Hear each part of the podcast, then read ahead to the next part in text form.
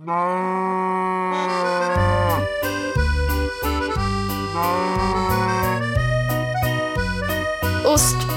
Sommarsnacks. Det här är Ostpoddens sommarsnacks. Och jag är Johan. Välkommen till snack nummer 6. Igår blev det en ganska lång utläggning om ostkanter. Och jag flaggade för att jag skulle tipsa om vad man kan göra med sina stenhårda parmesankanter. Så, um, here goes. För det första, och det här är viktigt att veta, det är att parmesan är bara ost. Hela vägen ut till den där stenhårda kanten.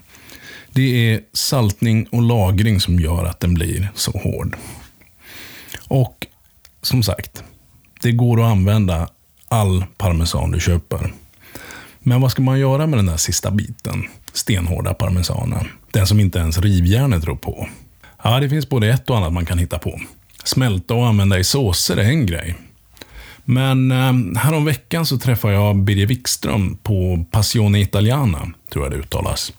Han jobbar med italienska delikatesser och inte minst ost. Och han har en grym koll på det här med parmesan. Du kommer att få höra betydligt mer av honom under sommaren. Men för tillfället så stannar vi vid ett überenkelt recepttips han hade. Är du med? För här kommer Birgers parmesanolja. Du tar dina gamla parmesankanter, skär upp dem i rätt stora kuber. Bara det är ett rätt tufft jobb faktiskt. Sen låter du dem ligga och dra i en neutral olja. Så kommer oljan så småningom att ta smak av osten. Och sen kan du använda den här oljan på sallader till exempel, eller där du använder oljor som smakar lite grann.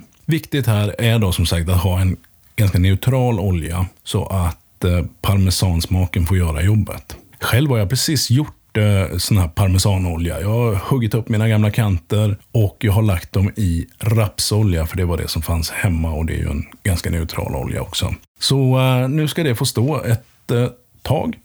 Kanske blir det provsmakning i samband med finalavsnittet av Sommarsnacksen. Vi får väl se. Mer än så blir det i alla fall inte idag. Du har lyssnat på Ostpoddens Sommarsnacks. Ett nytt snack kommer imorgon. Kan du inte hålla dig tills dess, så håll ett öga på Instagram och Facebook också. Där händer det möjligtvis någonting redan tidigare. Annars, välkommen tillbaka imorgon och tack för att du har lyssnat. Ostpodden Sommarsnacks.